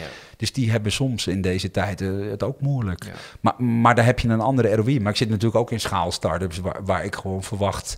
En dat zeg ik wel eens. Ik ken trendwatchers die praten en schrijven over trends. Dat vind ik allemaal heel fantastisch. Maar walk the talk. Ja. Als je het nou echt zo goed kunt zien. preach. Ja, Ja, en, ja. en, en ik investeer er ook in en ik ga ook op mijn bek. En ik maak ook mega-exits omdat ik denk, ja, zie je. En die trends voorspellen, als je die helemaal kent. Als investeerder of angel wordt het natuurlijk wat makkelijker in, in dat opzicht. Want ehm, ja, je weet waar de groei zit. Helder, dankjewel. Um, Imelda Oort, uh, social media manager, die vraagt... Uh, social media schoot dit jaar uh, de lucht in. creatieve en oprechte content werd heel erg gewaardeerd. Um, ja. En sociale algoritmes, je altijd er net al over... die sturen op relevantie en engagement. Ja. voor veel bedrijven is dat, is dat heel eng. Kun je als merk nog een boodschap verspreiden zonder hierin mee te gaan? Mm, moeilijk. Ja. Maar dat heeft met name ook te maken met. Ik denk dat ieder merk moet gaan beseffen al heel lang. Dat je als je merk, of je wilt of niet, je bent toch een beetje uitgever. Want we hebben allemaal al een corporate blog al tien jaar. Dat wordt straks natuurlijk corporate podcast en, en videoshows zoals dit. Uh, je hebt sociale kanalen of je wil of niet. Dus je bent bezig met content, met klanteninteractie. Uh, daar kom je niet onderuit. Dus je zult naar een in-huis redactieteam moeten gaan. Of je zult het moeten uitbesteden aan andere mensen. Je zult het moeten organiseren. Je zult het moeten begrijpen. En veel moeilijker nog, de toekomst van marketing, wat ik op het evenement en veel vaker aangeef. Mijn stiefdochter van 15 begrijpt beter hoe het algoritme van Instagram werkt dan de gemiddelde marketeer. Ja, dan heb je wel een probleem. Want we marketen vaak tegen AI en algoritmes. En als je de rules of engagement niet kent of niet weet hoe dat werkt, ja, dan heb je wel een probleem voor de toekomst. En dan heb ik het nog steeds nu maar over nu. TikTok zagen we niet aankomen. Dat vonden we allemaal, ook allemaal weer. We, we, we blijven maar denken in stereotypen. Ja, het is toch een beetje. Hip, hip en jolig doen met filmpjes. Maar, maar dit is allemaal nog steeds maar social media en maar op schermen. De wereld draait echt door. En dit gaat straks ook in de echte wereld om ons heen gebeuren. Ik heb het over voice-technologie. Hele relevante technologie. Want iedereen die kan lullen, kan van alles bestellen, kopen, doen. Als je daar. De, dus ja, eh, de warming-up zit erop, zeg maar. Helder. Ja. Um, Igor, uh, heb jij zelf nog een vraag die, uh, um, of, of iets wat je extra zou willen belichten? Ja, Iets waarvan je denkt, dat wil ik de kijker echt meegeven. Ja, nou, ik denk uh, het allerbelangrijkste één is dat we in de mooiste tijd van, uh, van de wereld zitten. Dat bedoelt niet COVID mee. Maar die, die verandering en uh, de technologie die ons faciliteert, waar we in twintig jaar sci-fi naar hebben gekeken. Sci-fi wordt nu reality. We kunnen nu met technologie de wereld schoonmaken. We kunnen nu customer centricity bieden op een manier die ongekend is. Niet alleen maar in schermen, maar ook in de echte wereld met, met uh, smart homes en slimme steden gaat dat natuurlijk nog steeds verder. Dus de warming-up zit erop. Ja. Blijf dat volgen, speel erop in. En uh, de laatste die je misschien niet verwachtte, dat sprak mij natuurlijk heel erg aan. Uh, we, we, hebben hem misschien liggen op de hoek, of ik zie hem liggen. From Hero to Zero. Ja, je, boek, je vertelde net ja, inderdaad ja, net al een mooi bruggetje van uh, op je bek gaan. Ja, Uh, daar heb ik inderdaad een boek over, uh, Ja. over geschreven. van de 11,5 jaar ondernemersperiode. ja, Met, met hele mooie momenten en tegelijkertijd ook wel, wel hele diepe dalen. ja. Dus die bied ik je bij deze aan, Ja. alsjeblieft. Vind ik te gek. Ik heb altijd gebruikt eh, de, de From Zero to Hero. In, in situaties waarin eh, bij digitale bedrijven of bij telecombedrijven waar ik vroeger werkte, dat ze zeiden: Igor, mensen gaan toch geen mobiele te- abonnementen en eh, dingen online bestellen en zo. En eh, dat doen we, hebben toch winkels? Eh, ja. Nou goed, dat, dat noemden wij operatie From Zero to Hero. Want plotseling verkochten we tienduizenden abonnementen per maand online. En de consument doet toch waar hij zelf zin in heeft. Maar ik vind het ook heel dapper dat je de andere kant op durft Ja. te praten en te kijken. Kwetsbaar, open verhaal. Ja, prachtig. Ja, dus, Dus ik, ik ga het met heel veel plezier lezen. Ik heb natuurlijk heel veel over misfits altijd gehad. Zo Ja. noem ik mezelf. Mensen die niet... ehm, eh, het klinkt niet naar hoor, misfits. Maar het zijn meer mensen die, die een wat ander empathisch vermogen hebben... door jeugd, verleden of dat soort dingen. Daarom ben ik misschien ook een beetje een wereldverbeteraartje. Want dat, dat heeft gewoon met je jeugd te maken. Maar ik denk, en dat is de grootste gave denk ik... Imagination, kijk sci-fi, blijf je verdiepen in de toekomst. Blijf nieuwsgierig, heel erg. Ja, En ehm, ik denk dat Misfits, die leventransformatie, ik vind Mooi. het leuk. En eh, en dat gaat soms ook from hero to zero en soms weer van zero to hero. Maar transformatie is iets wat Misfits heel goed kunnen. Nu, straks, in de toekomst. En ik denk dat, eh, dat die kracht voor heel veel mensen out there gaat het gebruiken in de toekomst. Mooi. In, in je leven, maar ook in je bedrijfsleven en ook in je ondernemen. Eh, want, want ja, wij hebben andere kwaliteiten. En die zijn de komende twintig jaar heel gewenst en heel hard nodig. Dus eh, nou ja, goed. mooi. Dankjewel. Mooi gesproken. Dankjewel Igor. Dankjewel dat je ons mee wilde nemen. Graag. Ehm, graag wil ik iedereen nog attenderen op alle events die we organiseren. Eh, die zie je hier onderaan in, de, in het scherm. En eh, tot de volgende keer. Dankjewel. Dankjewel. Ja, Igor, dat was een hele mooie, mooie, in, mooie interview, een mooie, mooie talk die we met elkaar hadden. Ehm, ehm, er zijn wat vragen binnengekomen. Laten we daar eh, allereerst eens eh, mee beginnen. Ehm, Robert die vraagt, wat wordt de toegevoegde waarde van bureaus wanneer er meer redactie en content in-house wordt opgepakt? Dus wat wordt de toegevoegde waarde van bureaus wanneer er meer redactie en content in-house wordt opgepakt? Zou je daar iets over kunnen, kunnen vertellen, Igor? Uh, ja, dat is een goede vraag. Uh, er wordt natuurlijk al lang gedebatteerd over de rollen van bureaus. Wie heeft welke rol? Ja. Uh, die verschuiven ook steeds. Ehm, van, ja, goed, we hebben het er al even over gehad. Er zijn natuurlijk legio specialistische bureaus tegenwoordig. die zullen absoluut blijven. de marketeer schuift in mijn ogen wat meer op naar de regiekamer. Wordt een beetje ja. de, de, Steven Spielberg. Meer, meer zal geautomatiseerd worden waarschijnlijk. Uh, ja, een aantal dingen worden geautomatiseerd. Maar je ziet natuurlijk ook dat. Uh, ik zeg wel eens. Uh, ik geloof in ancient intelligence. Ook in artificial intelligence. Maar ik denk dat AI onze slimme sociale, maatschappelijke kwaliteiten over 50 jaar nog niet heeft. Dus ja, op het gebied van technologie kan AI weer een hoop, maar ook weer een hoop niet. En ik denk dat er een aantal rollen bij bureaus worden uitgehold. En aan de andere kant zie je natuurlijk wel weer de bureau-netwerken die gewoon specialisten verzamelen en uh, one-stop shop bieden. Dus ja, goed. Uh, ik vind wel, en ik denk ook dat het belangrijk is dat steeds meer merken zullen moeten investeren in een stukje kwaliteit in huis.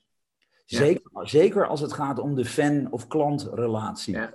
CRM, direct contact. Ja, die, die carefase. Hè? De, ja, ja. Ja. ik zou niet zelf mijn media gaan inkopen. Of nee. uh, ik zou een Google AdWords specialist hebben. Maar die kan je ook in huis nemen als dat heel belangrijk is. Ja. Helder, dankjewel. Hij, um, hij vraagt ook, ik geloof uh, ook in customer centricity. Hoe kan je starten met customer centricity? Zijn er tools en tips om hiermee te starten? Welke haalbaar zijn voor de normale ondernemer? ik denk dat hij bedoelt MKB. Ja. Um, zou je daarop willen antwoorden? Ja, nou kijk, ik denk wel eens dat MKB één voordeel heeft. Die, die, die, die hoeven niet uh, in, in de duurste platformen, die hoeven geen Oracle of Adobe te draaien en, en dure ja. technologie uh, aan te schaffen. Dat mag. Hangt er vanaf hoe MKB je bent. Dat kan klein, groot en heel groot zijn. Maar er zijn natuurlijk legio tools. Ik zal een simpel voorbeeld noemen. Ik heb altijd willen video editen om uh, visuele verhalen beter te maken, maar kan dat niet. Ik heb die kwaliteiten niet. Maar ik draai bijvoorbeeld een tooltje dat heet Magisto. En, en echt waar, zelfs ik kan het nu. Ja, mooi. En, ja. en zo zijn er voor iedereen wel tools te vinden die het makkelijk, slim en goedkoop en simpel maken. Ja, en hoe begin je bij customer centricity? Kijk, de bakker op de hoek vroeger, dat was niet Amazon en dat was geen Fortune 500. Maar die kende mij beter dan dat de Albert Heijn mij kent. Die nog steeds niet weten wat ze met de klantenkaart moeten doen. Dus als je je klanten goed kent en persoonlijke service kunt bieden, dan, dan heb je een voordeel. Ja. En als je klein bent, sta je dicht bij je klant. En als je groot bent, ben je log en traag. Dus ik denk dat juist uh, voor de kleinere spelers, zonder uh, grote, dure investeringen, dat je veel dichter bij je klant kunt staan. En dat daar ook de winst zit, natuurlijk. Ja, ja helder, dank je. Um, even kijken, ik denk dat we, we kunnen ook iemand even naar voren roepen. Um, Leo Verkijk, hij stelt een vraag. Leo, zou jij de vraag kunnen stellen aan Igor? Jazeker. Um, ja, ik kan alleen unmuten met mijn geluid. Hè? Um, ja, Igor, ik heb uh, met uh, in, heel veel interesse naar je betoog geluisterd. Mijn vraag gaat een beetje over het begin van het hele verhaal, waarin je aangaf heel erg geëngageerd te zijn met uh, People, Profit en Planet. Andere ja. volgorde, maar daar komt het op neer. en dat COVID-19, waar we nu allemaal onder lijden, wel eens een katalysator um, iets zou kunnen zijn waar een blijvende verandering uit voortkomt en een blijvende ja, bewustwording uit voortkomt. Mm. Mijn vraag is: ben je niet bang dat de mensheid, zodra die COVID-19 een beetje over is, weer toch wel razendsnel terugvalt in het oude gedrag? Goeie vraag, Leo, dankjewel. Ja, daar ben ik heel erg bang voor. Want we zijn mensen. Ja. En, en, de, en de historie leert ons af en toe dat we opportunistisch zijn en uh, gaan voor geld. En uh, uh, ja, we hebben de planeet leeggetrokken met de ruwe materialen. En, en nu zijn we snel aan het ocean minen. En als de oceaanbodem leeg is, we zijn nu aan het space minen. Dus ik ben, ik ben daar wel bang voor. Maar ik denk ook dat we misschien onze les nu voor een deel hebben geleerd. En, ik, en Leo, weet je wat ik wel eens denk? Ik, ik zit lang in World Economic Forum, omdat die toch ook goede dingen voor de wereld wilde doen. En ik ben er een beetje aan van aan, het terugkomen. Uh, omdat ik merk dat een Bojan Slat, die lult niet, die doet het. En die gaat crowdfunden en die gaat de oceanen schoonmaken. En die is in zijn eentje in 2040 klaar. Stel je nou eens voor dat je via Richard Branson of met een eigen netwerk nog, nog negen van die bojans kunt vinden en funden. Dan zijn de oceanen gewoon voor 2030 schoon. Dus je hebt er ook niet altijd iedereen voor nodig. Dus ik, ik hoop ook dat er wat meer mensen komen en opgaan. En ik zie wel mooie ontwikkelingen ook binnen millennials en jongere groepen mensen die zeggen: ja, hou eens even, het gaat om onze toekomst, vrienden. En, en die gaan gewoon aan de gang. Dus die, eh, ja, ik ben heel erg bang voor de mensheid. En ik denk ook, of ik wil graag denken, dat, het, uh, dat er genoeg mensen zijn die, die wel anders willen denken en kunnen. En, en ook daar weer biedt technologie, maar ook crowdfunding, goede mogelijkheden om zo'n Bojan Slat uh, bijvoorbeeld te gaan helpen. Hè? Er hoeft er in, als er in elke oceaan een Bojan ronddobbert, dan zijn we zo klaar. Ja. En dan maak ik het een beetje makkelijk, want climate change en een heleboel andere dingen zijn natuurlijk veel gecompliceerder. Maar, maar ja, ik bedoel, je hoeft niet de hele wereld te redden. Als we allemaal één iemand redden, zijn we er ook. Ja, zo is het ook weer. Ja. Dankjewel. Dankjewel, Dankjewel uh, Leo. Um, Wouter stelt ook een vraag. Uh, je hebt het over 50 technologieën van de vierde revolutie. Ja. Uh, heb je er een lijstje van? Ja, natuurlijk. Mail me. Kijk, als je die motorkap openrukt van die vierde industriële revolutie, dan komt de robotisering en, en bio- en nanotechnologie, VR, AI. nou ja, zo kan je wel eventjes doorgaan. Uh, ik heb ook een transformational map voor je, waarin je kunt zien welke technologie nou wanneer bijvoorbeeld uh, impact zou kunnen gaan hebben en waar die impact op heeft. En als je dat soort dingen in kaart kunt gaan brengen, dan kun je. Uh, kijk, Internet of Things heeft 5G nodig. 5G komt nu, wordt uitgerold. Dan heb je nog toestellen nodig voor de consument. Aan de achterkant zorgt zo'n netwerk ervoor dat je met Internet of Things, nou ja, we hebben al meer apparaten aan het internet hangen dan dat er mensen zijn. Drie keer meer, vier keer meer, Ja. vijf keer meer. Eh, en dan kun je een beetje gaan zien wanneer dat soort trends nou relevant of opportun gaan worden. En ook op welke industrieën ze vooral impact hebben. Nou, en, en dat is heel interessant om te zien, want dan kun je langzaam vooruit gaan kijken. Dus Ja. eh, mail me alsjeblieft. Helemaal goed. Hij stelt ook, eh, is het de marketeer op C-level aan de tafel bij de board? Of zie je dit anders als marketeer, als entrepreneur en changemaker, change agent? Ja, dat hangt er vanaf. Er, er zijn geen regels. Eh, marketing zit natuurlijk absoluut gelukkig vaak al lang in de boord. Daar zou wat mij betreft ook HR in moeten, want talent management en cultuur wordt steeds belangrijker. Ik zag net toevallig een eh, Instagram bericht van Elon Musk. en die, die is natuurlijk altijd vrij uitgesproken. En dus antwoord op je tweede vraag, die zei: Ik zie veel te veel MBA's in het bedrijfsleven en te weinig ondernemers.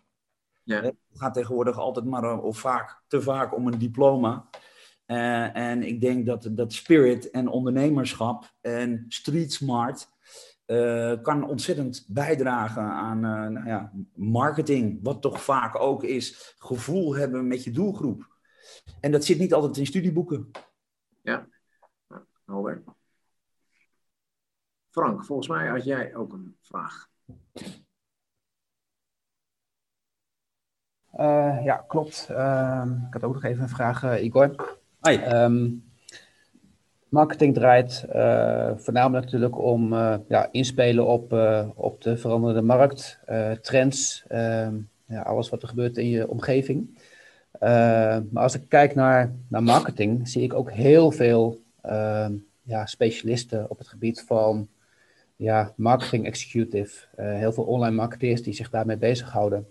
Ja. Ehm, verband met ja, de, de, de, de techno- te- technologische ontwikkelingen dus kan er zomaar de kans bestaan dat ook eh, dat specialisme zomaar wordt weggevaagd over twee, drie, vier jaar door allerlei ontwikkelingen. Ehm, ja, is het eigenlijk nog wel verstandig om je ook eh, ja, alsmaar te verdiepen in een specialisme, om daar tijd in te steken en je daarin te profileren? Of misschien moet je toch wat meer generalistisch gaan worden?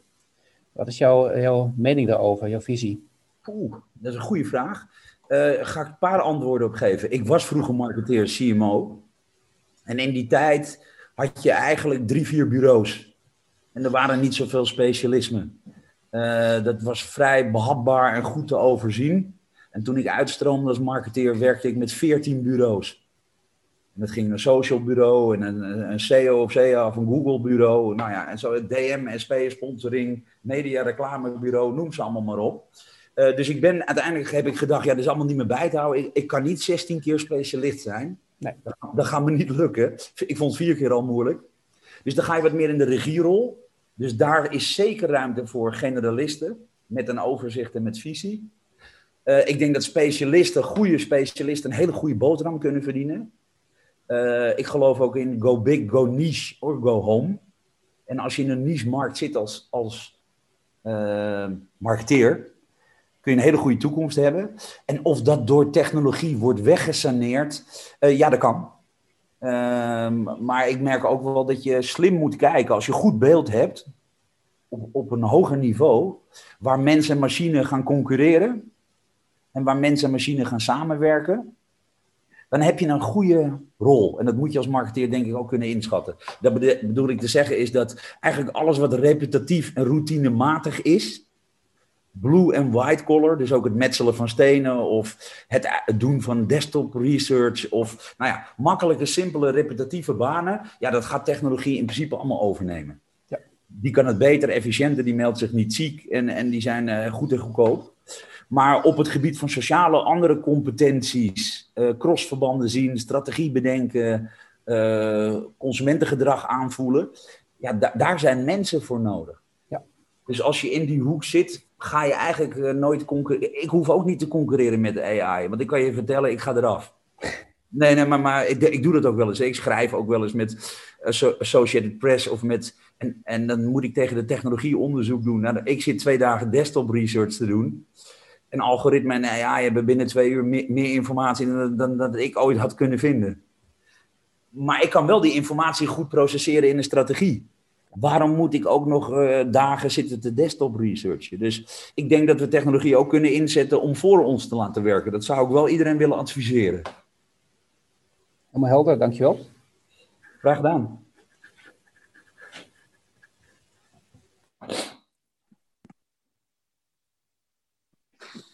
Yes, ik kijk heel even of er nog meer vragen zijn binnengekomen. Um, op heden niet. Lastige vragen, moet ik eerlijk zeggen. Ja, ja, ja, ja. ja, ja. Als ze creatief out of the box worden, dan uh, ja, hartstikke goed. Ja. Um, ja, ik zal nog heel eventjes wachten, uh, mocht er nog een vraag binnenkomen. Um, Igor, ja, vooruitlopend wil ik je nu alvast in ieder geval super bedanken. Uh, voor zowel het interview wat we ehm, samen konden doen. En uh, vanavond opnieuw uh, wordt enorm gewaardeerd. Uh, dank daarvoor. Um, ik hoor en lees ook dat je heel veel mensen hebt kunnen inspireren met je talks. Dus um, dat ook super dank. Ehm, ook nu komen de complimenten nog, nog binnen. Dank voor alle inspiratie. Oh, graag. Ik kan niet zien zonder brillen. Sorry. Nee, nee, dat geeft helemaal niks. Geeft helemaal niks. Ja. ja, ik denk als ik voor nu zou, zou afronden, dan zou ik zeggen uh, voor de mensen thuis, haak volgende week weer aan met een volgend uh, online event wat, uh, wat we gaan doen. 2021 ehm, zullen er ook veel webinars zijn. Het hele eerste kwartaal worden er verschillende sessies georganiseerd. Haak gerust aan als je het interessant vindt. En Igor, wij zullen deze binnenkort gaan, gaan plaatsen op ons YouTube-kanaal en jou uiteraard ook ter beschikking stellen. Ja. Nogmaals super dank voor jouw bijdrage erin.